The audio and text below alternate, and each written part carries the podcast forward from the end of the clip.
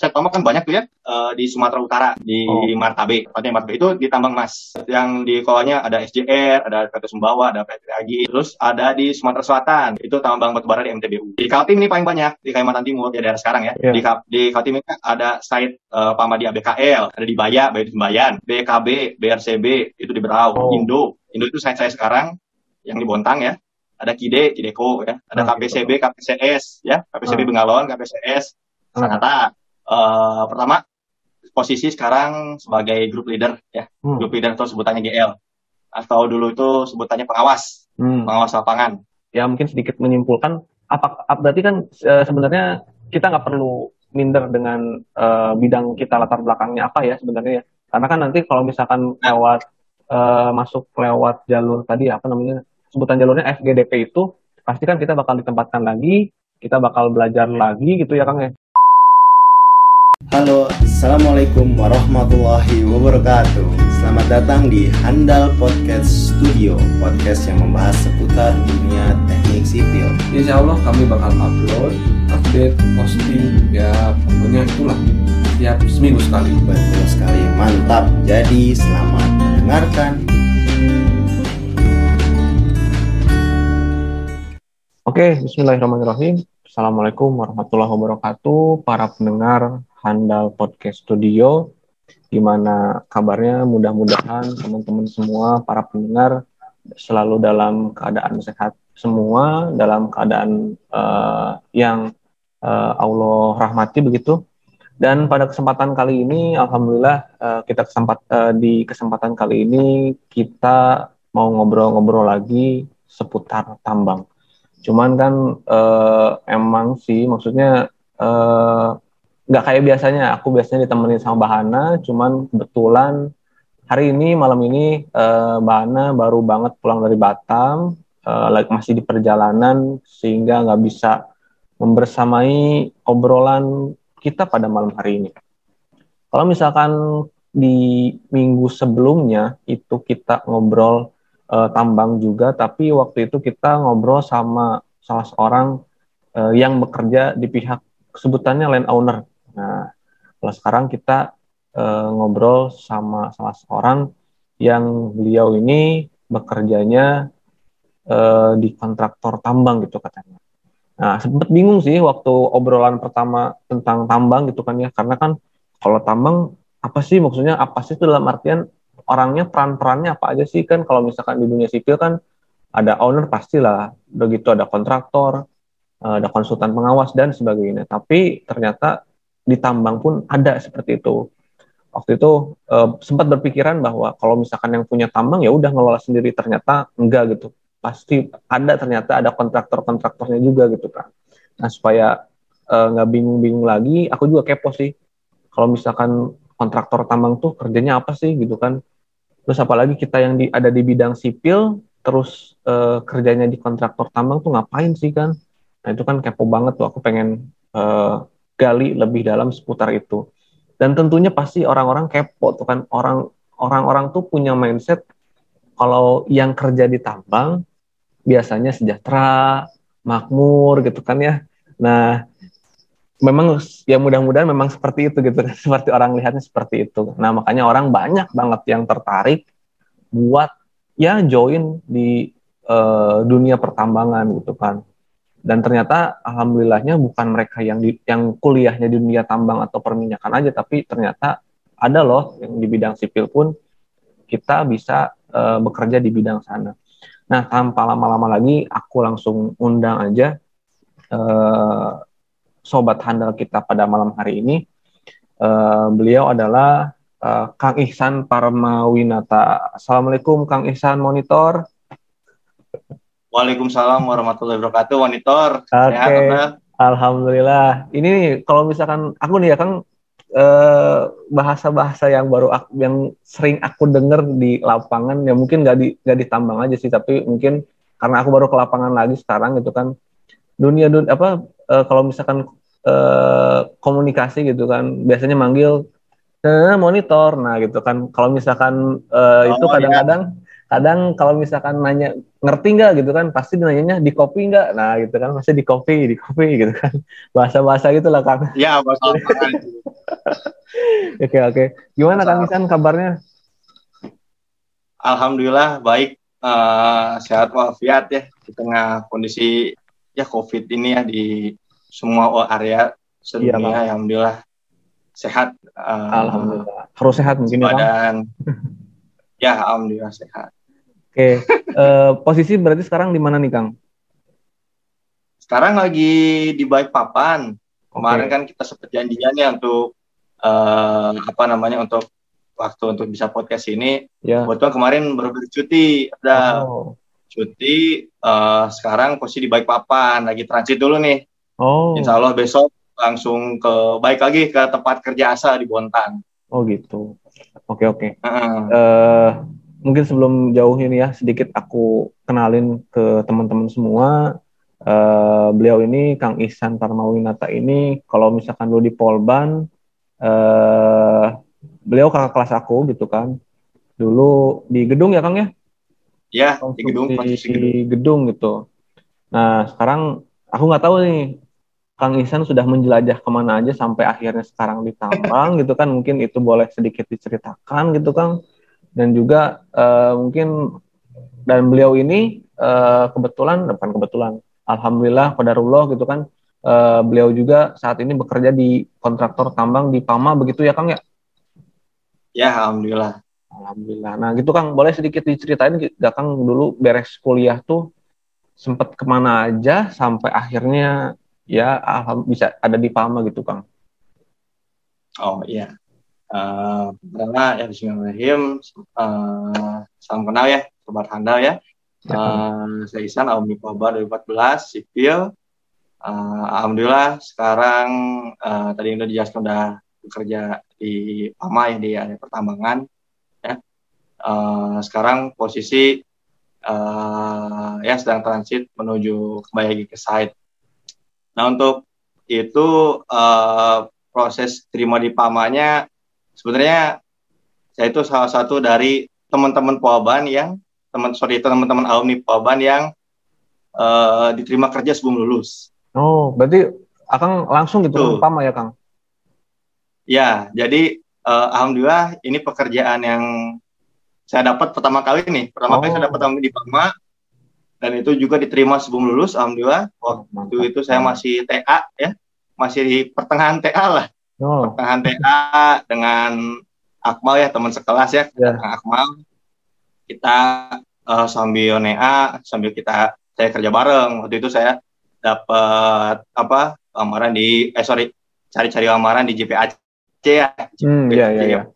Tuh semua mahasiswa semuanya ke sana.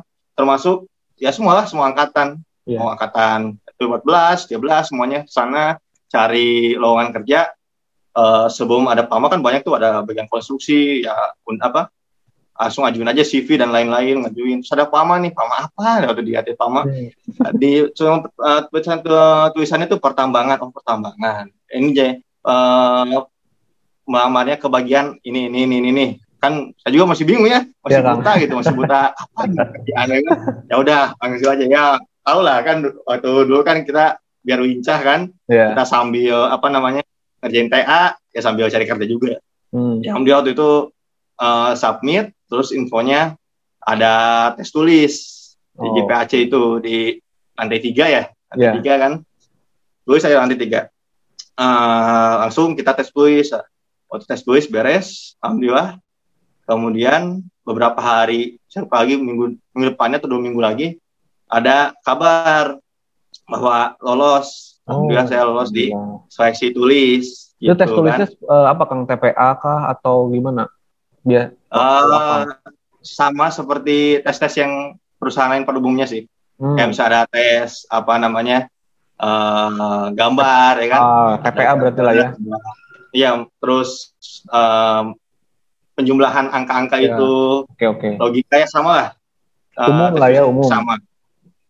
Ya umum. Terus itu eh, informasinya dapat nih informasi langsung diundang apa namanya? Oh ya waktu didapat informasinya itu kalau nggak salah itu zuhur ya minggu depannya atau dua minggu ke depannya zuhur atau asar waktu saya lucunya itu pas sholat ini kan pas beres sholat sholat zuhur pas sholat asar bareng teman kan Iya. sama Kinan masih ingat itu Ya, ingat. teman ingat. sekelas juga sama Kinan kemungkinan di sana bayar sholat terus dapat SMS dilihat lihat sendiri ya selamat ya apa eh, next masuk ke next ini Oh. next round lah Ya, ya. eh, istilahnya wah di situ langsung ya alhamdulillah lah ya nggak kepikiran kan sebelum kerja udah bisa lolos seleksi padahal baru lolos seleksi itu aja udah seneng Iya, kan? Kang. padahal belum keterima gitu kan Iya, iya, udah iya. seneng sama kemudian juga sambil wah selamatan ya sama-sama lah kita saling doain gitu kan sama teman sekelas sama antar angkatan juga saling doain juga ya alhamdulillah beres itu langsung eh, eh, apa namanya ditunggu telepon berikutnya tiba-tiba Oh. saya ditelepon disuruh ke Jakarta Oh, waktu itu sama HR-nya langsung disuruh ke wawancara waktu itu. Nah pas itu saya tuh lagi apa namanya lagi pas pusing-pusingnya itu TA bareng sama eh, teman sama Akmal itu Akmal, Akmal. pusing-pusingnya waktu itu. Jadi apa yang mau dikerjain, apa yang mau dirangkumin. Jadi waktu di telepon saya sama orang Jakarta sama HR Jakarta eh, bilang eh, bisakah eh, hari ini eh sorry eh, minggu depan untuk wawancara ke Jakarta gitu kan. Nah, saya bilang aja terus terang eh, makasih kan eh, HRD-nya perempuan waktu itu ya. Iya. Eh, makasih Bu informasinya. Saya senang sekali untuk kenapa apa mendengar informasi tersebut. Tapi mohon maaf bisa diundur. Saya minta undur waktu itu karena waktu apa pas mengurus TAT-nya lagi pas genting-gentingnya waktu itu. Iya, iya, Kang. Diundur saya kalau nggak salah hampir tiga kali, tiga sampai empat kali itu Oh. ditelepon terus minta eh, langsung ke Jakarta gitu kan. Oh, iya, Kaget iya. juga kan. Waduh, dimintain terus ini Heeh. ya udahlah kalau gitu waktu pas keempat kali beres eh ya ini beres eh, TA itu TA itu belum beres ya udah ke Jakarta aja Oh, iya. Jakarta pas ke Jakarta di sana juga nginep juga di eh ya kayak apa namanya kontrakan gitu ya kecil ya Iya, iya. nginep bentar terus masuk ke eh, masuk ke kantor Pamo waktu ya kantor Pamo wih gede juga dikirain kayak apa kan kata Mama Ternyata, oh gede juga ini awalnya di Jakarta ya di Rawagelam kawasan Rawagelam sana waktu di sana masuk langsung diwawancari waktu itu diwawancari sama bapak-bapak kan Hmm. Itu aja. udah masuk ke user wawancara. Belum ya? Eh, langsung ke pamannya sama Oh. pamannya di situ Oh. ya langsung ke HRD pamannya waktu diwawancarai ya udah beres wawancara kan saya itu eh di angkatan eh, saya itu yang lolos dari Polban itu ada dua orang Oh. saya sama Doni Kang Doni Oh, si Kang Doni. 2014 Oh, Kang Doni juga sekarang di sana, Kang? Ya. Oh, sekarang Kang Doni juga di Pama. oh enggak sekarang sekarang di tempat yang lain Oh, gitu.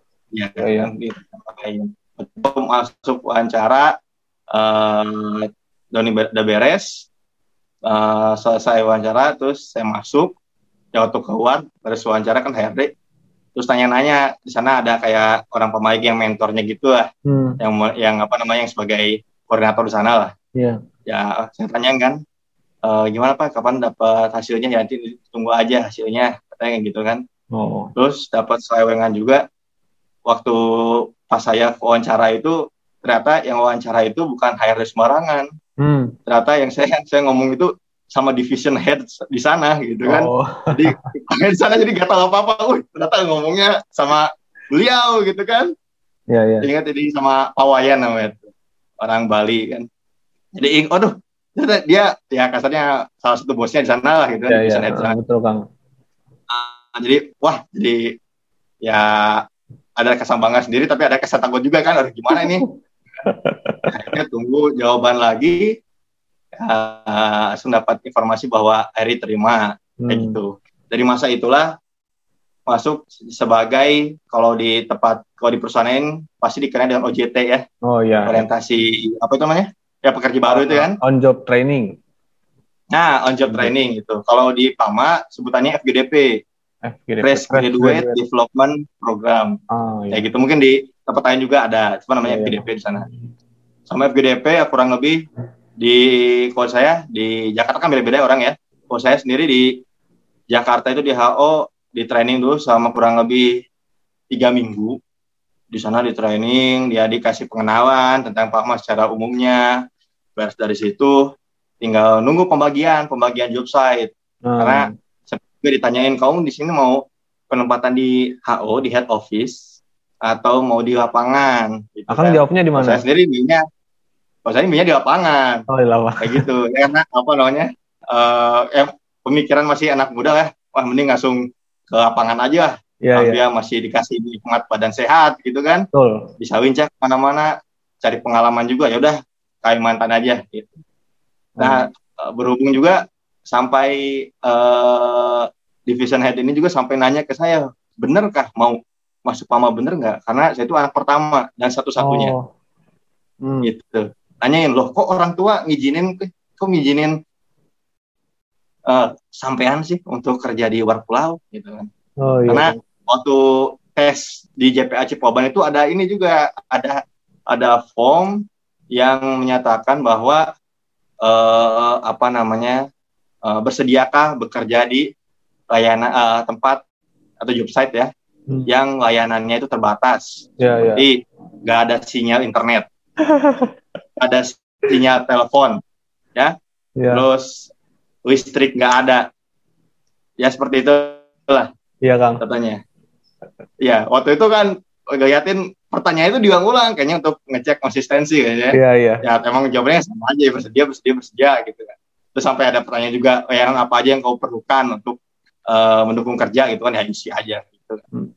waktu gitu. Ya jadi sampai pertanyaan-tanya eh saya ini anak semata wayang lah katanya kok bisa iya, sih? Semata wayang itu dikenalnya manja gitu ya. Terus terang aja kan ada yang manja gini-gini oh ngapain jauh-jauh sama ibu? Ya alhamdulillah saya nggak termasuk orang seperti itu. Orang tua Iya. support lah ya, yang Kang. beranikan diri. Ya alhamdulillah orang tua juga support ya.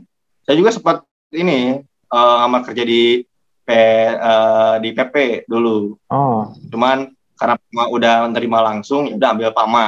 Kayak Ya. gitu kan.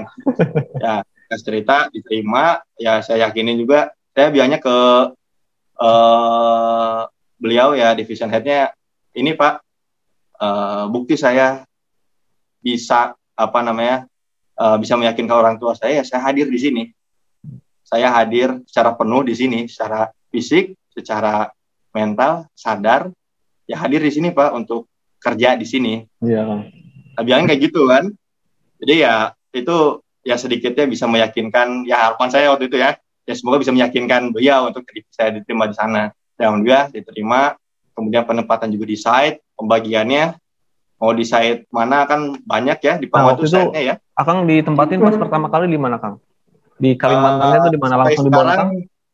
Ya, Oh. eh, dari pertama sampai sekarang alhamdulillah di Bontang ya. Site Pama kan banyak tuh ya. Jadi Nah, boleh eh, ceritain Kang di mana aja tuh, Kang? Selain di Kalimantan, mungkin ada juga di pulau lain site-nya Pama? Oh ya, jadi eh, Pama itu eh, berge- eh, bergerak di bidang apa namanya eh, pengelolaan sumber daya ya, sumber daya alam ya. Hmm. Salah satunya yang paling terkenal itu tambang batu bara, karena emang mayoritasnya di batu bara.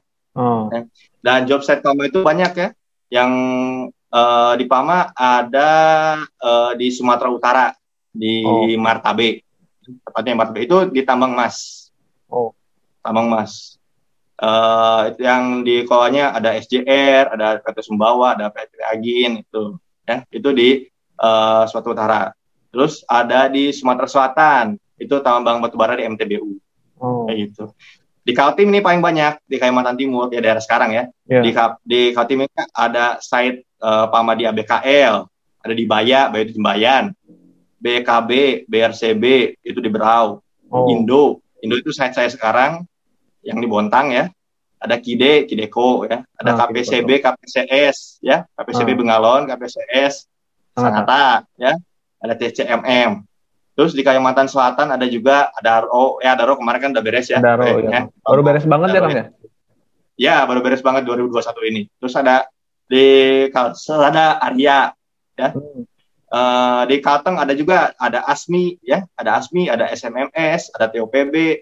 Terus di eh, Kalteng juga ada power plant. Jadi Pama juga nggak bisnis emas, tambang emas atau tambang batu bara, tapi Pama juga ada power plant-nya, Oh. PLTU Pama di sana. Kayak gitu. Tapi yang paling Nah. banyak di Kalimantan ya, Kang ya? Ya, penumpang Kalimantan, terutama di Kalimantan Timur, itu Oh. paling banyak. Kayak gitu. Nah, dari semua job site tersebut disuruh eh, kantor pusat yaitu HO office sama tiga kantor cabang. Oh, Jadi ada cabangnya yang pertama itu ada BBSO ya atau di Banjarmasin, di Banjarmasin ada. Oh iya. Terus ada di BPOP, BPOP itu Balikpapan ya, di Balikpapan sini sama di PPSO di Palangkaraya.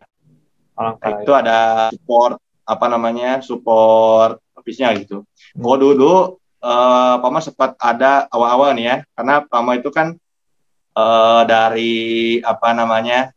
induknya itu dari UT dulu ya, United Tractor. Oh, karena iya. bisnis Pama itu ya karena awal-awal itu kan Pama itu dari UT ya dari UT karena bisnis awal itu sebenarnya bukan menambang tapi eh, dari zaman berat. dulu tuh dia eh, apa namanya penyewaan alat penyewaan Oh. alat berat untuk Oh. aktivitas tambang Iya, iya. ke sini ke sini membangun akhirnya di tahun 1993 Pama berdiri sendiri ya dari UT kan bisa Iya. naik traktor akhirnya Pama di 93 ini di perusahaan PT sendiri dari situlah mulai ada proyek-proyeknya dari batu bara pernah juga ngambil kuari dulu udah selesai ya ada kuari ada limestone ada konstruksi road juga pernah sama Pama Hmm. kayak gitu konstruksi road yang di Freeport dulu pernah seperti itu kalau sekarang eh, tetap batu bara batu bara sama ada sedikit untuk penambangan emas ada juga power plant yang kita sampaikan Ya. kayak gitu untuk di Nah. bisnis paman Tadi Kang balik lagi ke yang OJT nih Kang. Itu OJT berarti berapa lama Kang durasinya untuk ya kita training di job eh di job site tuh? ya oh, eh, FGDP ya zaman FGDP itu dikasih waktu rentan itu sama HO kan masih kok FGDP itu berarti masih orangnya itu masih dipegang sama HO ya Iya. Jadi kalau udah lulus dia dikirim ke apa ya hitungannya udah milik site lah orangnya tuh. Hmm. Kalau misalkan FGDP itu masa training kurang lebih dikasih waktu setahun, setahun Oh, kurang. Ya, kurang lebih sama ya. Itu bisa eh, bisa kurang dari setahun kurang kalau misalkan masa trainingnya udah beres Hmm. kayak gitu. Jadi sama masa training itu kita dituntut untuk mengenal site yang pertama, mengenal semua departemen di site yang beroperasi, apa hubungannya satu departemen sama satu departemen lain. Terus kita juga harus kenal pimpinannya di sana, orang-orang di sana, hubungan dengan departemen sendiri itu apa, Ya. dan yang paling penting bisnis proses atau makro proses dari PAMA di site itu seperti apa. Oh. Dan yang terakhir, kita itu dituntut untuk eh, membuat suatu im- apa improvement ya, karena di PAMA itu eh, tiap individunya benar-benar dituntut untuk berinovasi Hmm. ya. setiap hari, setiap bulan, setiap tahun harus ada inovasi. Oh. Jadi tutup improvement, improvementnya itu eh, saya itu ya bikin improvement dan kurang dari satu tahun targetnya itu ya kurang dari satu tahun itu harus selesai improvementnya itu harus sudah dijalankan. Jadi improvementnya itu bukan eh, cuma kita bikin improve kita mau ini ini ini ini kayak gitu kan mau bikin proses begini begini, begini. ya udah selesai nggak nggak gitu karena improvement itu yang kita buat itu harus benar-benar dipraktikkan langsung di lapangan dan itu menjadi standar baru Oh. Dan improve itu tidak boleh mati Aki- eh, maksudnya mati itu kalau kita bikin improvement kita eh, aplikasikan di lapangan jalan Hmm. tapi kalau kita misalkan lagi off atau offside atau cu- cuti improvement itu nggak jalan berarti itu nggak berhasil Oh. dan ketahuin kita harus membuat apa namanya ya suatu improvement kita kasih ke satu sistem itu jadi mau kita ada mau ada tetap Tetap jalan ya ya. Jadi eh, ya istilah- macam-macam jadi kalau misalkan di ini mungkin ya mungkin kurang lebih sama lah ya dengan eh, FGDP di di perusahaan eh, yang lain pun. Jadi kan kita kayak semacam mengenal tuh kan berarti kalau misalkan kita eh, waktu kuliah mah zaman kuliah mah zaman PKL gitu ya Kang ya kita ditempatkan di mana kita belajar eh, ini dan itu gitu kan ya. Ya. Eh, terus ini Kang, sekarang berarti kan waktu itu selesai selesailah eh, masa OJT itu kan. Nah terus eh, ka- ditempatkannya di situ lagi kalau Kang Isan Mameren nggak ke mana-mana lagi kan untuk site-nya. Untuk selanjutnya tetap di Bontang. Tapi ada teman juga ada ya, apa namanya yang masa FGDP-nya misalkan di Bontang, habis tahu saya dikirim atau dimutasi ke site lain juga ada yang seperti itu. Cuman Hmm. kalau saya udah di Bontang dari dulu, dari tahun berapa? 18 kali ya, Kang. 2017, berarti penerimaan 2017. Oh. Uh, udah 4 Terus sekarang tahun. berarti udah berapa? yang 4 tahun lebih lah, alhamdulillah. Jadi orang Bon. Masih betah aja. Akang itu kan udah ini ya. Apa? Udah berkeluarga kan? Ditinggal di Alhamdulillah. ditinggal di Bandung. Eh di mana, Kang? Keluarga, Kang? Oh iya, alhamdulillah ya udah M1 ya, merit anak satu, Oh iya. udah M1. Eh, sekarang lu tinggal di Bandung, sekarang di Garut ya, Oh. sama istri ya, istri juga alhamdulillah dapat anak polban lagi ya, udah ya, Oh. anak Tekim ya, 2014 ya, Desi ya. Kang. alhamdulillah eh, udah ada anak Hmm. ya, putra Zain eh, udah satu tahun umurnya Oh, udah besar ya. Insya Allah. Oh ya Kang, Nah. eh, ini nih Kang. Sekarang kalau misalkan ditanya, eh, otomatis kan beres OJT tuh kita ditempatkan di site. Nah, otomatis kita udah punya posisi. Nah, posisi Akang sekarang berarti apa Kang? Di site itu sebagai apa gitu Kang? Dan eh, job desk-nya sebagai apa gitu? Job desk-nya apa aja kan? Misalkan eh, mungkin di sana banyaknya background-nya apakah orang tambang aja kah atau campur juga mayoritasnya atau gimana tuh Kang? Hmm, ya. Eh, pertama posisi sekarang sebagai group leader ya. Hmm. Group leader atau sebutannya GL. Atau dulu itu sebutannya pengawas, Hmm. pengawas lapangan. Ya. Iya. Ya alhamdulillah sama kurang lebih empat tahun lebih ini tiap tahun eh, dikasih kesempatan, dikasih nikmat untuk ganti posisi ya, Ah. Ya. Jadi waktu GDP pertama eh diposisikan di oh ya saya di departemen supply management di Supply. PAMA ya, supply management eh, di PAMA. Eh, tahun pertama ditempatkan sebagai subkontraktor koordinator ya. Hmm. Posisi saya itu sebagai subkontraktor koordinator. Jadi eh ada subkontraktor karena PAMA itu kalau di saat saya di Bontang itu kan sebagai kontraktor PAMA ya. Ya. Tapi ada subkontraktor di mana ya pekerjaannya nggak beda jauh kalau misalkan di kontraktor ini ya, kontraktor sipil ya, ada Iya. subkonnya kan. Subkontraktor. Jadi misalnya apa Kang? Tapi Kang, misalnya apa Kang? Kalau subkon subkonnya di tambang biasanya apa aja tuh? Misalnya Oh, jadi subkonnya itu ada dua, ada dua macam. apa tuh? Ada subkon produksi sama non produksi. Oh, Ya, dari namanya udah ketahuan kan, kalau non produksi yang nggak yang nggak ber apa bersinggungan langsung langsung sama produksi. Ya, ini yang satu yang produksi ya eh, bersinggungan sama produksi. oh. Nah, subkon koordinator ini saya itu megang yang produksi karena yang non produksi pegang oleh departemen lain kayak gitu. Ya di non produksi ini, eh sorry yang diproduksi ini itu pekerjaannya itu eh oh ya eh, aktivitas subkonnya dua aja ya, Ya. biar nggak beda jauh. Jadi subkontraktor koordinator itu cuma apa eh, mengawasi aktivitas subkon untuk berjalan sesuai eh, perintah atau yang mandat lah ya maksudnya mandat yang dikeluarkan dari PAMA. Jadi PAMA request ini ini ini nih ada WO-nya, WO-nya itu Hmm. work order lah work ordernya seperti ini harus dikerjakan. Contohnya kan bisnis proses PAMA kan eh bisnis proses PAMA itu adalah mengambil overburden ya. Overburden itu tanah. Ya. Jadi kalau kita mau tambang kan ada tanah ya, prosesnya kan diambil itu sama PAMA. Terus ada juga batu bara yang udah kelihatan batu baranya diambil sama PAMA itu sama PAMA juga. Nah, subkon ini eh eh, adalah apa namanya melakukan aktivitas support Hmm. Contohnya, maintenance road di tambang. Di tambang itu kan nggak ada aspal, Ya, betul Kang. itu full tanah, ya kan? Ada Ah. apa? Tahu lah, Iya, tanah, ada batuan, ya kan? iya. Ada apa namanya? Ada lerengnya nih, pokoknya kita support. Jadi unitnya itu unit kecil biasanya. Kalau Pama kan besar tuh, ada HD ya, HD Iya, 900 gitu kan, ada dozer, dozernya 375, dozer 155.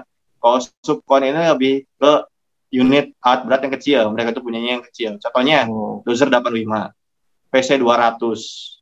Ya PC itu ya merek Komatsu ya. Mhm. Kalau di kontraktor bangunan biasanya dikenal apa? Beko lah ya. Ya, Beko. back backhook. Ah, ini kita biasa sebut PC lah. Kalau orang Iya, tambang biasanya nyebut PC kan? Atau bahasa bakunya ekskavator. Ya. Ada PC 200, ada PC 300, paling gede itu PC 300 kalau di set lain. Tapi di lain ada yang beda lagi. Terus ada ya compact ya, compact. Ya. Ada Yang buat ngedekin ya Kang ya.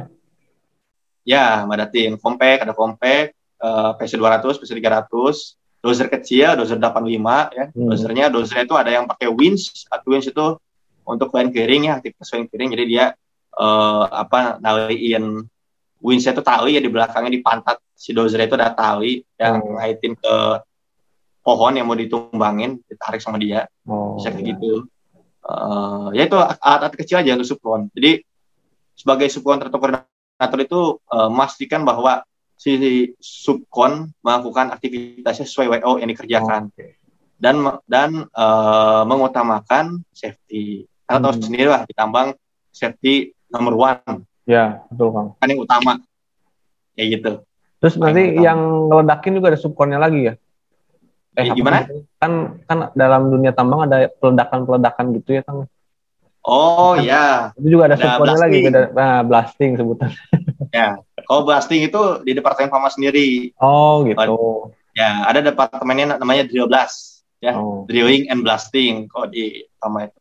Jadi aktivitas eh, ada apa namanya? Ada peledakan. Peledakannya juga ada apa? eh, punya izin khusus tersendiri Hmm, karena itu kan benar-benar high risk ya. Iya. Kriteria high risk lah ya. Jadi kalau misalkan eh, tidak sesuai benar-benar tidak sesuai prosedur bisa mengakibatkan kematian hmm. dan Nah, kerusakan. Oke. Kang, tadi kan udah sub eh, apa tadi subkon koordinator selanjutnya apa Kang? Sampai sekarang jadi tahun oh ya tahun pertama di subkon koordinator tahun kedua eh di warehouse ya warehouse itu Oh. bagian gudang. karena saya ditempatkan di supply management jadi ya sebagai nama aja supply management kan Iya, Kang. di mana kita mengelola barang dan jasa untuk user Hmm. kayak gitu oh saya di GA warehouse warehouse ini mengelola spare part di situ Oh. jadi penempatan spare part terus apa namanya termasuk juga eh, mobilisasi mobilisasi unit ya kalau ada unit Ya. masuk unit keluar ada aktivitas escort di, di dalamnya nah Hmm. itu GA warehouse juga di sana kayak Oh. gitu Oh Jadi, iya, aku lihat pernah lihat itu Kang, escort tuh kan pengawalan ya. Misalkan kayak ada alat-alat berat yang pindah mungkin dari pit yang satu ke pit yang lain mungkin depannya harus dieskort dulu gitu kali ya. Selain dia kan Betul. bias- biasanya dia pakai bawa pakai low bed ya biasanya ya. Alat Ya, beratnya pakai- biasanya. pakai low boy Oh, low boy sebutannya. Nah, biasanya kan di depannya ada mobil double cabin yang ada tulisan awas. Ya apa? Ya pokoknya intinya eh, ada pengawalan lah ya gitu. ya Betul. gitu. Betul, ada pengawalan sama. Ya kurang lebih di tiap perusahaan, di tiap site ya eh, sama lah. Tapi khusus untuk di eh, Pama Bontang sendiri ya, Pama Indo. Eh, untuk aktivitas escortingnya itu ada tiga kelas Hmm. kayak gitu. Dan orang yang melakukan escort itu dia punya izin khusus. Jadi nggak sembarang orang bisa escort Oh. kayak gitu. Ada kelas, kalau di kami ada kelas A, B, C ya. Jadi kita lihat yang dinilai itu dari jenis alat yang diangkut, berat alatnya, terus lintasan yang dilaluinya itu seperti apa. Oh. Karena lintasan itu yang paling rawan adalah kabel listrik ya. Kabel listrik. Oh iya iya. Kenapa kabel listrik? Karena kalau unit misalkan eh, tingginya itu melebihi kabel listrik, dia nyangkut kan. Iya betul Kang. Kabel listriknya ketarik, listriknya putus, wah itu produksi yang yang menggunakan listrik itu bakal stop itu yang paling bahaya. Iya, Ya selain masalah kos, ya itu masalah safety juga karena bisa tersetrum juga. Ya kan? Kan alat berat itu besi kan? Iya. Itu jadi mengalirin listriknya tetap aja sama bahayanya. Situ. Oke. Macam-macam lah. Aktivitas escort ada depan ya, eh, mobil jaga depan, ada juga mobil jaga belakang, ada juga eh lawannya itu ada yang menggunakan dua sampai tiga mobil untuk es- escortingnya. Panjang Hmm. escortnya juga bermacam-macam lah. Ada batas maksimal jaga jaraknya, Ya. batas unit yang di escortnya, macam-macam di situ. Oke oke Kang. Nah terus tadi GL yang warehouse ya. Selanjutnya apa Kang? ya. Ya warehouse. Terus tahun berikutnya eh masih di warehouse, cuman back eh, ada juga tambahan di fuel. Oh, Kenapa fuel? Karena supply manajemen namanya juga kan, jadi pengelolaan ya, pengelolaan benar-benar support apa yang dibutuhkan tambang itu di SM. atau Yeah. supply management. Jadi pengelolaan fuel. Jadi eh, penempatannya dipindah. Saya tuh jadi warehouse tetap, tapi ada juga fuel, ditambah juga dengan fuel. Hmm. Jadi eh, untuk penambang pertama sendiri eh, fuel itu kosnya itu sangat besar. Hmm. Kenapa sangat besar? Selain untuk mensupport unit produksi tambang, unit produksi tambang itu 24 jam, Ya, ya Kang. ya kan? Nggak ada liburnya. Tanggal merah operasi, ya. Idul Fitri, Idul Adha operasi, nggak ada tanggal hitam. Iya Kang. Jadi fuel itu tetap dipakai, ya. Eh, selain unit produksi, unit support juga di tetap tetap diisi, tetap butuh fuel. Contohnya apa? Genset. Hmm. untuk set-set di yang punya mesh di dalam ya, yang mesh di dalam itu kan listriknya pakai genset. Oh. Genset. Gensetnya bukan apa bukan aba-aba ukurannya bukan kayak genset di minimarket minimarket yang kecil kan gitu kan. Ya Kang. Ini enggak, ini gensetnya 24 jam. Waduh. Ada yang pakai dua genset untuk nyari Ya. satu. Jadi satu ya operasi 12 jam, satu lagi 12 jam. Jadi eh, biar apa namanya? Biar enggak inilah enggak berat kerja gensetnya kayak Ya. gitu. Belum lagi pompa, pompa di area eh, SAM ya. Jadi tambang itu kan kalau Afda lihat ada kan ada kubangan di tengah-tengah tambang itu kan. Iya Kang. Bisa ada, ada apa namanya? Ada alat di situ kan kayak kayak kapal gitu kan, ada Hmm. ponton kecil. Iya. Nah, itu pompa itu. Ngisi Oh. juga di situ. Ngisi fuel juga di sana. Karena kalau ketika tambang hujan, nggak pompanya nggak jalan, tambang banjir. Oh. Bisa terjadi longsoran juga. Itu. Oh, jadi supaya kubangan itu tetap kering dipompa gitu maksudnya Kang. Bukan untuk kering, jadi eh, pengolahan air. Oh Jadi, iya. tam- jadi kalau misalnya ada hujan, hujan ataupun nggak hujan, pompa juga itu bisa nyala. Hmm. Ya, jadi penyaluran air dari satu titik ke titik lain sehingga apa namanya bisa untuk pengeringan bisa, bisa pengumpulan air tambang juga di situ bisa. Jadi semuanya pengolahan di situ. Kayak gitu. Jadi fuel benar-benar disupport ya. Ya baik lagi ya ke pengolahan fuel. Eh, fuel di sini nggak secara penuh eh, saya kelola. Ada GL-nya sendiri, grup leader fuel sendiri. Cuman saya bagian fuelnya itu khusus untuk penerimaan penerimaan fuel. Nah, fuel di Pama Bontang sendiri seperti apa? Di- Dikirim lewat kapal, Oh. kapal pengangkut fuel. Nah, penerimaannya di situ saya pengolahan di sana. Jadi pengecekan kualitas fuel, terus apa namanya eh quantity fuel di sana saya pengolahan di sana. Sama Hmm. ya pengolahan transfer fuel dari kapal sampai menuju penampungan di Pama, fuel di Pama. Seperti apa kayak gitu. Sampai sekarang jadi eh, di tahun keempat jadi grup leader gitu ya Kang ya. Di tahun keempat. Sekarang. ya masih sama Oh, dari masih. dari dari AFDP sampai sekarang kalau posisi masih grup leader cuma Oh. grup leader itu macam-macam Oh iya iya ada tadi. warehouse ada koordinator seperti itu Yang terakhir nah, sekarang. kalau yang terakhir sampai sekarang eh malah nambah wow, Oh. warehouse ya fuel ya ditambah lagi inventory Eh, jadi inventory sini ke lapangan sih tapi eh mengelola apa namanya gimana stok spare part, stok barang-barang atau apa pun itu yang dibutuhkan di tambang itu terpenuhi oh. kayak gitu. Misalnya ada spare part untuk maintenance unit ini eh, kebutuhannya berapa ya kita kita harus ada forecastnya ke depan Hmm. bahwa misalkan dalam sebulan pemakaiannya tiga bulan depan lagi ah, bakal tiga tiga lagi atau, atau gimana ya dikelola di sana oleh Hmm. sistem Iya iya. jadi Berarti- sambil jalan sampai sekarang ya alhamdulillah ya tiga itu sambil jalan warehouse ya pengolahan fuel juga ya sama inventory ya Hmm. kayak gitu mobile di lapangan Iya Kang. Nah berarti kalau misalkan kayak gitu eh, istilahnya eh, kita belajar baru lagi ya Kang ya. Maksudnya kan kalau kalau misalkan dikaitin sama kuliah di dulu kuliah kan mungkin bidang sipilnya apa Kang? Nah kan maksudnya eh, maksudnya kan eh, maksudnya kan berarti kan kalau kalau aku ya mungkin sedikit menyimpulkan apa, apa berarti kan eh, sebenarnya kita nggak perlu minder dengan eh, bidang kita latar belakangnya apa ya sebenarnya ya karena kan nanti kalau misalkan lewat eh, masuk lewat jalur tadi apa namanya sebutan jalurnya FGDP itu pasti kan kita bakal ditempatkan lagi kita bakal belajar lagi gitu ya Kang ya.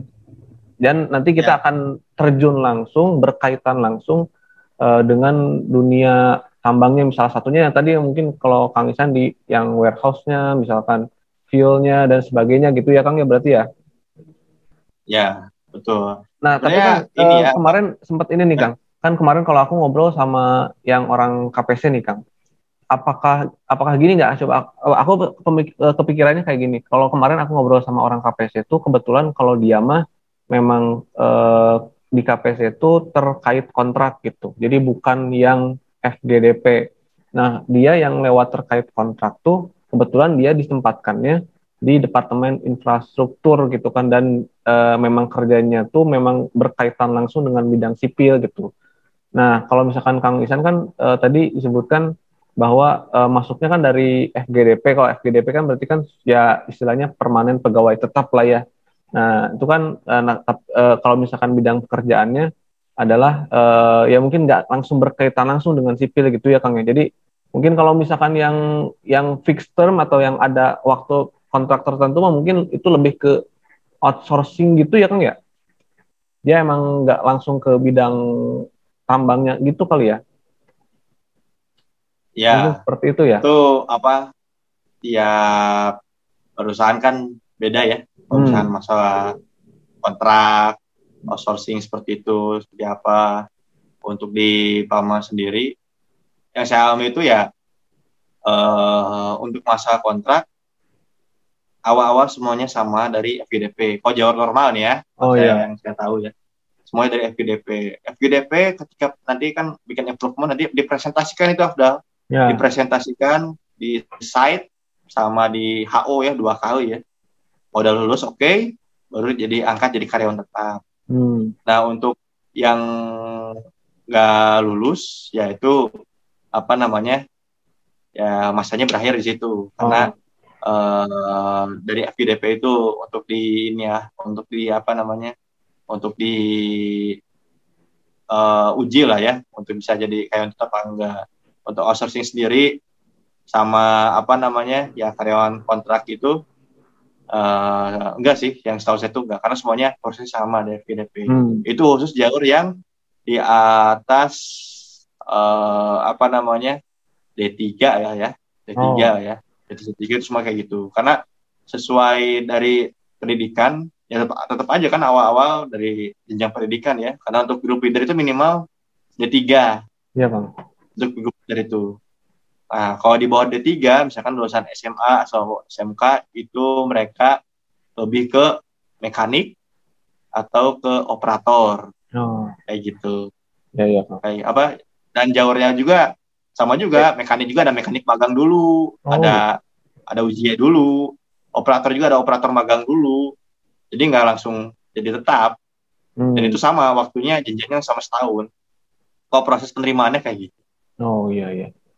Nah nih Kang, aku mungkin pengen nanya nih, eh, nanya eh, random di luar ini ya, tentang misalkan ini nih Kang. boleh boleh Aku waktu di Bontang eh, dan sekarang waktu aku lagi di Bengalon tuh ada satu habit dari orang-orang tambang gitu Kang. Jadi habitnya itu eh, aku baru aku baru pulang sholat subuh nih ke masjid keluar. Itu tuh di jalan orang-orang udah pada nunggu Kang nunggu jemputan bis. Nah, pertanyaan aku tuh eh, itu bis yang tambang gitu maksudnya karena ada tulisan Pama di situ, ada tulisan ya pokoknya kontraktor-kontraktor lah di situ. Pertanyaannya teh kalau pagi kenapa asa subuh pisan Kang gitu Kang? Emang jauh banget gitu kenapa sih ke jam 5 tuh udah aktivitas gitu kan? Di kemarin di Bengawan aja. eh, jam 5 subuh itu eh, mobil-mobil tambang tuh yang mobil double cabin tuh udah kedengeran tit tit tit mundur mundur kan udah udah mau pada berangkat gitu kan. Nah kenapa sih kang? Apakah sepagi Ya. itu gitu jam 5 gitu loh udah udah rame gitu? Ya. Itu memang benar emang emang pagi. Jadi gini dah eh, untuk tiap set beda jam Hmm. kerjanya. Tapi rata-rata dari pagi sampai sore satu Oh. shift untuk yang satu shift karena peke- kalau di Pama itu ada yang dua shift ada yang tiga shift ya kayak gitu tapi awal start akhir untuk eh, jam 6 jam 5 itu kurang lebih sama di di tiap-tiap set yang setahu saya kayak gitu ya. Jadi startnya jam Bontang 5 sendiri, Kang. ya saya sering di Bontang aja. Yang Akang jam berapa? Kalau di Bontang sendiri eh, setengah enam, Setengah enam. Uh. berangkat tuh setengah enam. Hmm. Terus biasanya tuh setengah lima ada mobil juga yang datang. Nah mobil apa itu? Mobil yang bawa makanan, Oh. makanan pagi. Ya, kayak gitu kan. Jadi eh, orang ya bagian catering ya. Nah ini Iya, iya. yang subkonon produksi itu. Hmm, gitu. Catering itu bagian dari subkonon produksi. Kayak Iya, gitu. Orang eh, orang cleaning service kayak gitu Hmm. itu kan non produksi kan. Kayak gitu. Security Jadi juga mereka ya? lebih subuh. Security juga non produksi, subkon non produksi. Eh, ya, tapi itu masih di bawah Pamannya langsung. itu masih di bawah ini lah. Ya masih subkon Oh. kayak gitu. Nah, jadi mereka itu lebih subuh. Kayak itu untuk yang pertama itu orang catering, dan mereka nyiapin makan di sana. Ada yang dibungkus, pokoknya siapin kan eh, kalau pekerja tambang kan pagi-pagi langsung bangun kan, sholat, langsung siap-siap mandi lah ya. Hmm. Itu langsung ambil makanan kan, habis sarapan, bisa sarapan di tempat, bisa diambil bawa ke tempat kerja. Kayak gitu, biasanya kayak gitu. Terus kerja tambang kenapa sih jam 5 udah ada udah banyak mobil berhenti? Ya emang gitu, karena kalau di Bontang sendiri mobil itu setengah enam. Untuk Hmm. tempat kerja saya aja satu jam dari mes saya di, di mes kan, satu jam dari mes sampai ke tempat kerja itu satu jam perjalanan. Ke tempat kerja tuh apakah di site-nya atau di kantor gitu gimana, Kang? Kalau saya itu di Bontang, mesnya itu di dalam tambang. Mesnya aja di dalam tambang. Nah, ke tempat kerjanya berarti Iya. Tempat kerjanya aja sejam. berarti makin makin ke dalam makin ke dalam lagi dong ya? Makin ke Iya, dalam hutan gitu. lagi gitu Tapi kan? beda-beda karena kalau di Bontang itu di site Bontang itu eh, ada tiga area kerja besar di sana Hmm. tuh. Ada area West, East Block, sama Skambing. Kalau West itu dekat, cuman ya 15 menit nyampe lah dari area West. Kalau di East Block 30 menitan atau ya 20 sampai 30 menit. Kalau Skambing ya area kerja saya sejam. Karena di Oh, ujung. sejam, Bang. ya di ujung. Kayak itu ya saya udah ngerasain juga di West pernah East Block pernah eh, di area Skambing juga pernah ya atau Santan lah ya. Hmm. Eh, ya pernah lah semuanya eh, ngerasain di sana. Jadi emang kayak gitu. Emang berangkat subuh. Kalau saya ke bagian yang jauh. Jadi berangkat itu paling subuh. Dan saya itu bis cuma satu. Karena yang area di sana cuma satu bis aja udah cukup untuk muat semua pekerja kan? Jadi setengah enam berangkat kalau saya ya setengah enam berangkat nyampe sana itu setengah tujuh. Terus pulang. Pulang itu setengah enam juga setengah enam sore. Hmm. nyampe di mes lagi setengah tujuh eh, malam. Ya. saya baru nyampe teman-teman yang lain udah pada nyampe. Orang mereka dekat aja kan? Cuma Iya, jarak iya. 15 menit sama 30 menit kan? Saya paling terakhir. Jadi paling paling pagi berangkat ya biar sholat subuh sholat eh biar sholat subuh langsung mandi langsung berangkat. Berangkat paling awal pulang paling akhir itu subuh emang start jamnya kayak gitu. Oke, oke. dan itu terus berlangsung sama 24 jam. Itu Hmm. termasuk yang tiga shift juga. Terus berlangsung sama 24 jam. Kalau yang tiga shift di set bontang itu dari jam eh, shift yang satu kan setengah tujuh ada yang setengah tujuh berangkat eh sorry setengah enam berangkat terus yang shift dua shift satu pendek ya ada shift dua pendek shift dua pendek itu jam tigaan terus ada shift tiga pendek itu jam 10 malam Oh. kayak gitu Jadi emang jadi subuh ya tiap gitu set ya. beda-beda. Ya, kayak gitu. Jadi pasnya pas sholat subuh beres ya waktunya nggak mepet sih.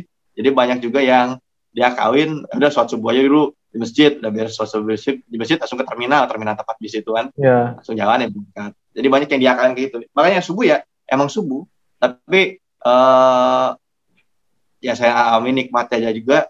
Ya pama nggak inilah nggak eh untuk aktivitas ibadah itu eh, adil. Hmm. Kenapa adil? Karena di mes itu eh, selain ada fasilitas, ya di mes itu kayak rumah aja ya, kayak, kayak biasa rumah gitu. Air Iya. panas ada, air dingin ada. Enak kah? Tempat karaokean juga ada. Iya, Iya, iya. karaokean ada, tempat nge-gym ada, lapangan tenis, bola, futsal, eh, basket ada. Dan Hmm. untuk aktivitas agama Lengkap dong. masjid jelas ada. Terus untuk eh, teman-teman yang beragama non Islam juga ada Hmm. kayak gitu. Nah, Kang, Gereja juga ada. eh, kalau ini nih Kang, tadi kan Akang bilang campnya itu eh berarti ada campnya Akang tuh kan eh camp lah. Mesnya itu berada di dalam eh, apa sebutannya tadi? Pokoknya di dalam kawasan gitu. Berarti kan eh Iya.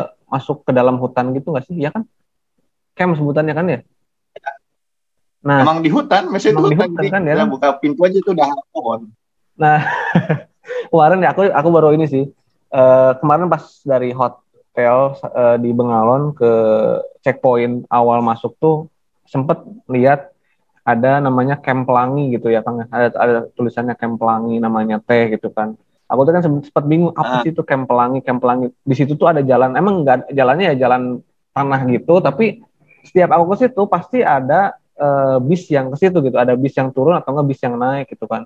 Setelah aku search di eh, Google Earth, Google Map gitu kan, eh ternyata eh, di situ tuh nama, emang namanya ada camp namanya Camp Pelangi. Dan di situ eh, berarti di situ tuh berarti mungkin tipenya kayak Akang juga ya di dalam hutan tuh ada eh di dalam hutannya di dalam camp itu ada ada tempat orang buat istirahat gitu layaknya ada mesnya gitu ya. Ya. Kenapa sih Kang eh, sempat kepikiran nggak sih Kang kenapa kok di dalam hutan gitu maksudnya? Karena jauh gitu kan ya.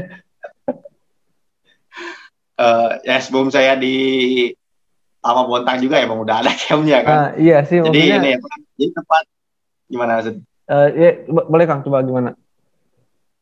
Oh iya, jadi kenapa sih campnya harus di dalam hutan Oh, gitu ya? gitu.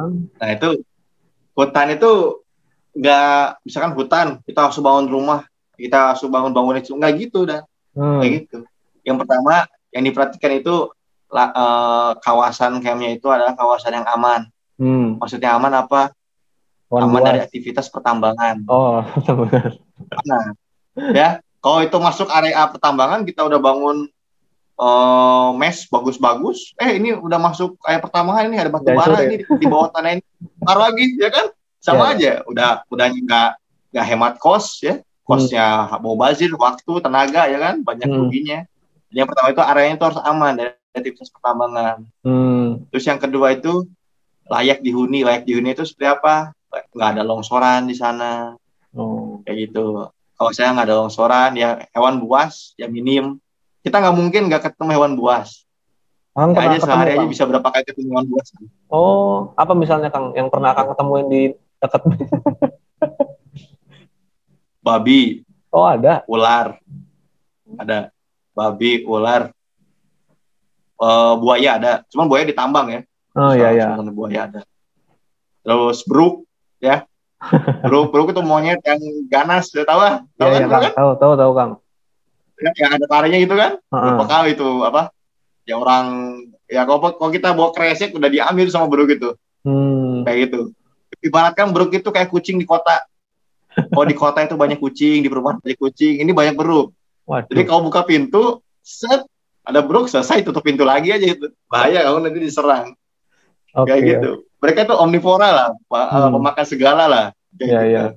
Jadi yang buas sahau ada, sahau ketemu. Apalagi malam, ya. Malam Hmm. babi, babi juga bukan sembarang babi, gede. Se semeter lah, tingginya semeter. Loh? Ada ininya apa? Ada Taringnya ininya, juga kan? Taringnya itu kan? Heeh. Taringnya juga yang dua itu, Paco. Ya, ada, selalu ada. Terus gimana ngelolanya biar safety ya? Eh ya kita nggak usah macam-macam sama mereka gitu kan. Ya ya. jauhin aja mereka gitu. Ya nggak usah nggak usah sompra juga lah gitu lah kasarnya. Kan Hmm, hmm. sama kobrok itu pasti ada orang mereka itu. Sebenarnya rumah mereka cuma kita Ya. ada di sana kan. Nggak usah mereka sebenarnya tuh habitat asli mereka kan yang di sana. Jadi kita ikut numpang sana. Kenapa di dalam hutan? Ya nggak hutan-hutan banget. Jadi maksudnya ya emang awalnya kita itu hutan. Cuman eh, pohon ditebang dulu dibuatlah lahan yang agak luas untuk dibuat bangunan Hmm. setelah oke ada ya ada aktivitas komplek dan lain-lain baru dibangunlah di situ aktivitas sama eh, kayak bikin gambarannya kan mesnya Akang yang Akang tempatin sekarang tuh eh, berpenghuni berapa orang Kang? Buat gambaran supaya ada kita tuh gambaran oh seluas ini nih gitu. penghuni ya kalau satu kamar untuk GL itu ada dua orang satu kamar berdua Hmm. Kalau operator mekanik satu kamar bisa empat orang bisa jadi kasih ada berdua kayak gitu terus untuk fasilitas juga 100 gua orang yang ada tapi listrik, Kang. listrik 100 orang Apa? total 100 orang total ada di situ atau lebih mungkin ya Oh lebih, lebih ada 500 berapa ya? Seribu. Lebih lah, hampir Oh. dua ribu ada. besar berarti ya Besar. Jadi itu nggak kayak apa ya? Kalau di Lembang kan kalau ada pondok kayak gitu nggak nggak kayak gitu. Oh. Jadi ya kalau di Bontang sendiri mesnya itu ada dua tipe ya. Bisa pilih bebas. Bisa Hmm. yang dari apa namanya? Yang bisa dari eh yang dicor ya, cor-coran gitu kan, di batu bata kan. Ada yang dari kayu ya kayak gitu. Tiap mes itu ada AC-nya, tiap kamar tuh ada AC. ya, ya. Nah Ada ini. Kang tahu sendiri mana panas kan, jadi ah. AC-nya juga. Terus nih kan, Kayak gitu. kan kalau aku eh, lihat tadi kan eh, keseharian berarti maksudnya rutinitas lah istilahnya. Kalau Kang Sabtu Minggu libur gak atau jalan juga? Em, kalau dulu di ya tiap set beda ya, tahu ya Hmm. untuk mengatur sistem kerjanya. Kalau sekarang di Bontang itu 61 ya, 6 hari kerja, Oh. sehari libur. Itu sehari libur. Jadi kalau saya itu kebetulan hari Sabtu aja libur, hari Minggu sampai hari Jumatnya masuk. Ada juga yang beda, ada yang hari Seninnya libur. Ya termas tergantung roster lah. Jadi eh, atasan yang ngatur rosternya kan sedemikian rupa biar Hmm. kalau misalkan ini off ada yang backup jadi biar posisinya tuh ya prosesnya tuh terus Ya. berlanjut gitu nggak ada yang kosong Nah itu Kang Sama aja. eh, selama Akang di itu nih Kang, eh, kan mungkin dengan kerja yang jam kerja yang lumayan lama ya kan kalau misalkan segitu mah ya dari setengah 6 pagi gitu kan sampai setengah 6 sore kan berarti hampir 12 jam gitu kan. Terus istilahnya kita eh, di mes tuh cuma numpang istirahat bentar, setelah itu kerja lagi gitu kan. Nah pasti ada jenuhnya gitu Kang. Nah, mungkin kalau misalkan dengan tadi perusahaan kan menyediakan ada fasilitas-fasilitas kan mungkin itu salah satunya eh, supaya ya supaya mengurangi kejenuhan yang ada di karyawannya mungkin pegawainya gitu ya. Cuman kan kadang kalau misalkan kita dalam seminggu aja misalkan udah terjebak rutinitas kayak gitu gitu kan. Terus mungkin eh, kita juga udah memanfaatkan eh, apa namanya fasilitas yang disediakan udah nge-gym juga udah main basket sama teman-teman juga. Tapi kan kadang eh, dengan udah udah seringnya kayak gitu kadang bosen juga gitu. Akang akang eh, pernah ngerasain jenuh gitu kan dengan pekerjaan ah, dan itu. jelas pernah. Ya pernah. Terus Masa gimana tuh? lah sekali oh. Ya itu itu lah gunanya ngobrol sama ah, teman kadang misalkan ngobrol sama teman tuh ada aja ada aktivitas. Ah ini aja mancing yuk mancing. Ada kalau misalnya mancing. Kalau misalnya udah gua aktif apa fasilitas di sana udah dipenuhi pasti ada aja teman-teman tuh yang apa namanya mau ya ide-ide baru lah. Kayak oh karaoke, ya main game bareng situ. Karena nggak isinya tuh nggak orang-orang yang berumur aja di sana itu Hmm, di Pama itu. Jadi eh yang seusia aja ada yang lebih muda pun ada dari saya gitu kan. Ya. Ada itu yang seusia Abdal juga banyak di sana. Hmm, kayak gitu. Jadi eh kita apa namanya kita saling ngobrol bisa bisa sharing bareng di situ sesama rekan kerja bahkan sama bawahan pun kita main di sana. Oh. Kayak gitu. Kalau misalnya waktu istirahat atau waktu kerja kan ada waktu istirahatnya ya kita ngobrol di sana bisa main di sana sebentar. Ya, tapi di jam istirahat ya ya. bukan di jam kerja kan. Jam istirahat ya nggak masalah. Jadi ya emang aktivitasnya seperti itu. Dan makanya di perusahaan pertambangan ya pada umumnya Hmm, pekerja itu kalau di Pama sekarang sih eh memberi batasan kepada pekerja tambang itu kalau di Pama cuma 56 hari kerja. 50 Setelah 56 hari kerja itu wajib untuk cuti. berapa lama Dan cutinya cuti kami ya, cuti kami itu minimal 15 hari. oh Itu nggak termasuk cuti tahunan. Cuti tahunan normal lah kayak pekerja normal 12 hari kan. ya Jadi kayak jadi untuk eh, karena faktor jenuh pun itu bisa menjadikan salah satu akibat atau penyebab dari fatigue ya.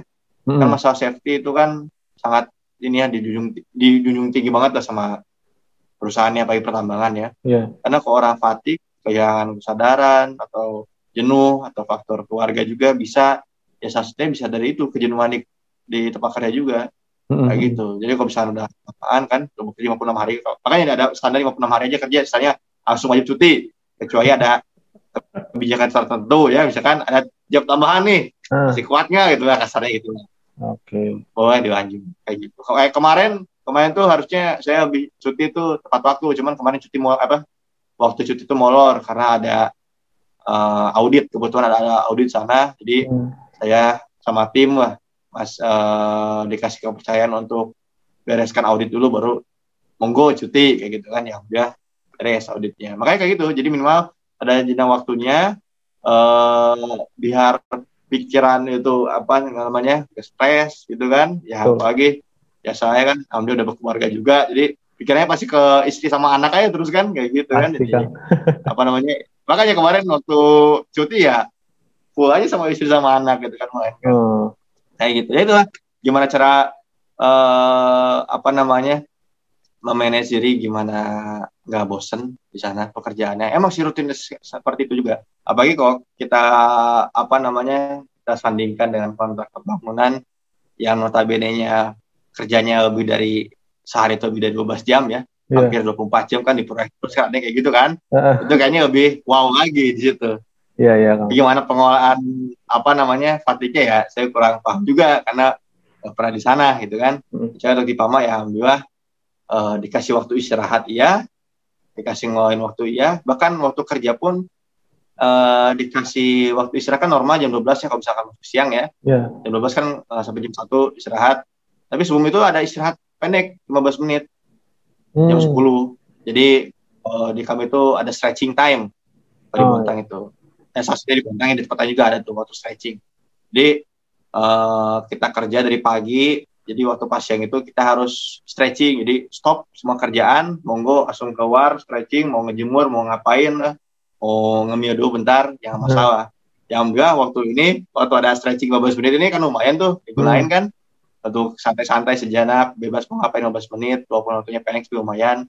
Buat saya ya enggak dipakai untuk main ada duha lah main suatu Ya. sana. Hmm, di main 15 menit suatu duha pakai beres. Ya udah lanjut aja pas aja tuh suatu duha beres duha beres duha langsung lanjut kerja lagi apa lagi kayak gitu. Jadi alhamdulillah waktu istirahat pun dikasih eh, tempat istirahat dikasih ya waktu kerja juga eh, makanya kita dituntut untuk kerja seoptimal mungkin karena perusahaan sendiri udah ngasih kepercayaan untuk kita ngelola jam istirahat secara maksimal kayak gitu. Hmm.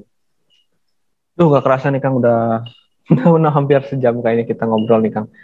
Oke Kang, mungkin sebelum Oh, iya. sebelum ditutup nih Kang, mungkin pengen ini dong eh, apa ya?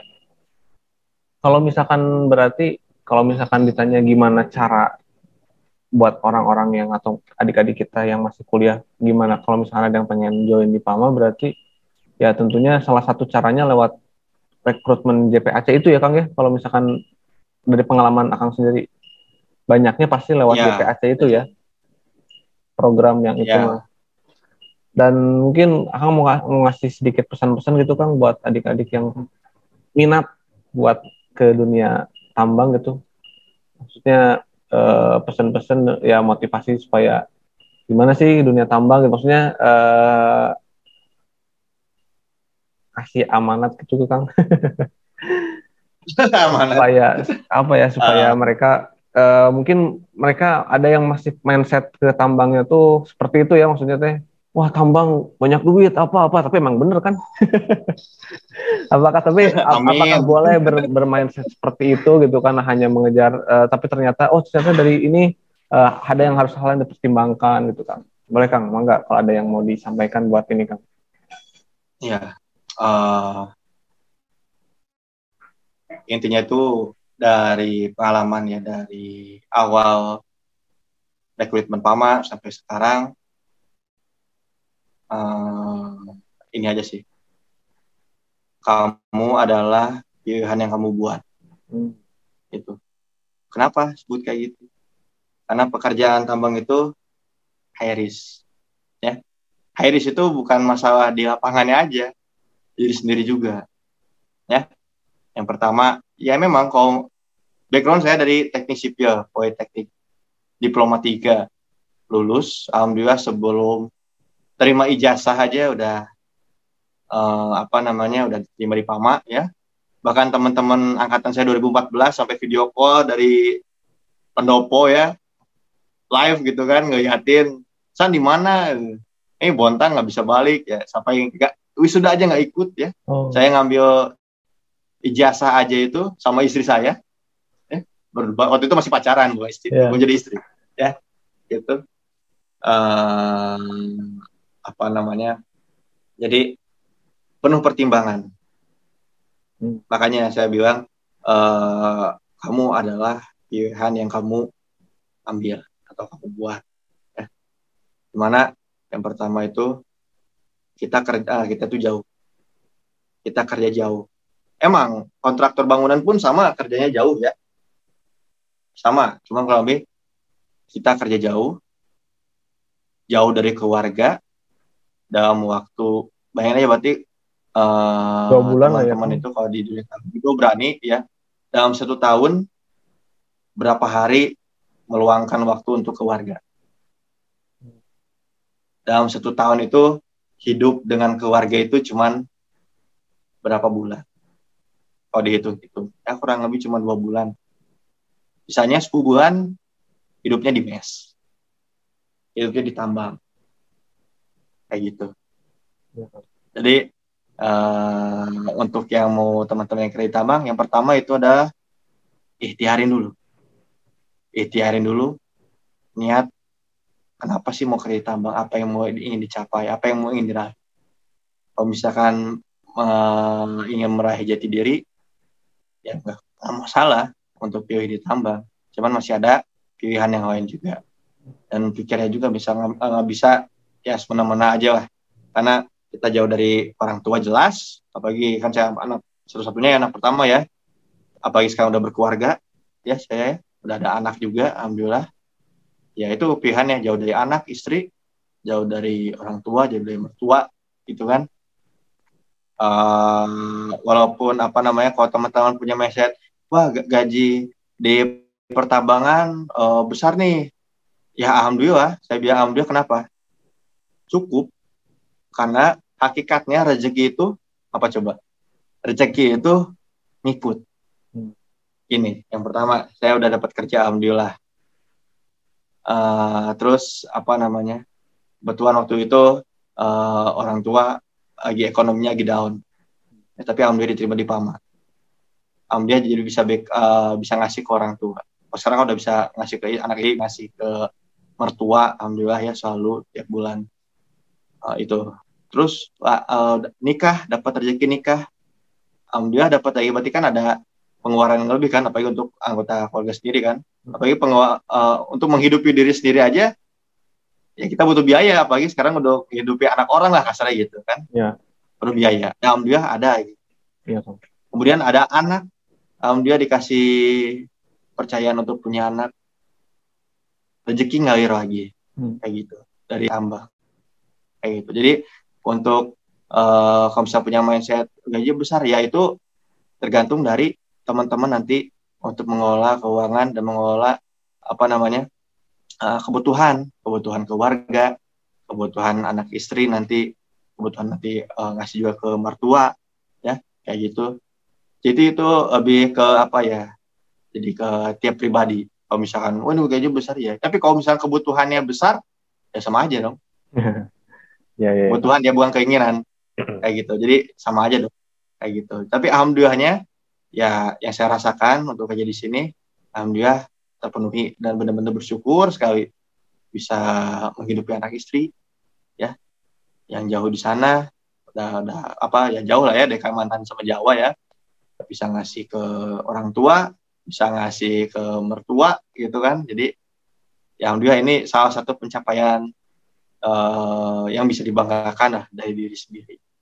Sama tetap intinya untuk ikhtiar ya, ikhtiar terus eh, niatin dalam hati ya karena Allah saya di sini mau kerja, mau cari yang terbaik untuk agar apa namanya untuk bisa ya ma- eh, macam-macam tujuannya bisa untuk banggakan orang tua, bisa naikkan harkat martabat orang tua, bisa untuk kebahagiaan anak istri, kayak macam-macam ya. Jadi ini itu. Jadi kau mau pilih kerja di mana? Ada teman juga yang mau di eh, di Bandung aja, di Bandung aja. Ya udah, it- it's your choice gitu kan. It's not problem gitu. Ya kasarnya ya kalau ada masalah ya monggo dihadapi. kayak sekarang sekarang jauh kita ya Afda juga kan sekarang pilihan Afda juga kan ngambil di sini kan Iya, jauh kan dari orang tua juga kan ya, sama gitu sama teman-teman juga yang seangkatan yang di bidang sipil kayak gitu dan bahkan saya background sipil di PAMA pun yang terpakai itu hampir zero Hmm. karena belajar lagi di sini jadi jangan takut teman-teman yang ya non sipil ataupun eh, jurusan yang lain ataupun nggak harus eh, jurusan pertambangan yang kerja di tambak nggak harus bahkan S1-nya pun ada yang nggak engineer gitu ya eh Hmm. sorry nggak ada ada yang bukan Non dari teknik. pertambangan Iya. ya non teknik karena itu bisa karena di PAMA itu dituntut yang tadi awal dijelaskan improvement ya jadi Ya. orang itu improve improve improve maka cepat dia eh ya seharusnya naik jabatan lah ya ruangannya naik naik jabatan karena seperti itu jadi pimpinan itu di sana itu bukan dilihat ya di sini itu di pimpinan itu di- bukan dilihat dari usia Ya. kebanyakan ya nggak dengar yang udah lebih tua itu udah langsung jadi inilah langsung jadi senioritas lah gitu ya langsung Ya. jadi pimpinan gitu kan naik dari pimpinan yang udah eh, apa yang udah usia gitu kan yang udah senior eh, berusia lanjut. Tapi kalau di sini enggak. Bahkan pimpinan di set bonak sendiri muda muda itu cuman apa umurnya kisaran 30-an Ah, ya muda-muda semua pimpinan itu yang masih segar-segar lah. Iya. Ya. Eh, jadi tuh jadi umur bukan penghalang. Ya teman-teman nanti mau masuk ke dunia pertambangan monggo. Silakan diikhtiarin eh, dipikirkan matang-matang ya it's your choice. Nggak masalah. Jadi eh, apa yang kamu ambil ya kamu harus pegang teguh itu. Jangan sampai lepas jangan hilang kendali. Dan ketika kamu misalkan turun di titik terendah dalam hidup gitu kan. Apa pun itu titik rendah ya jangan sampai kamu hilang arah.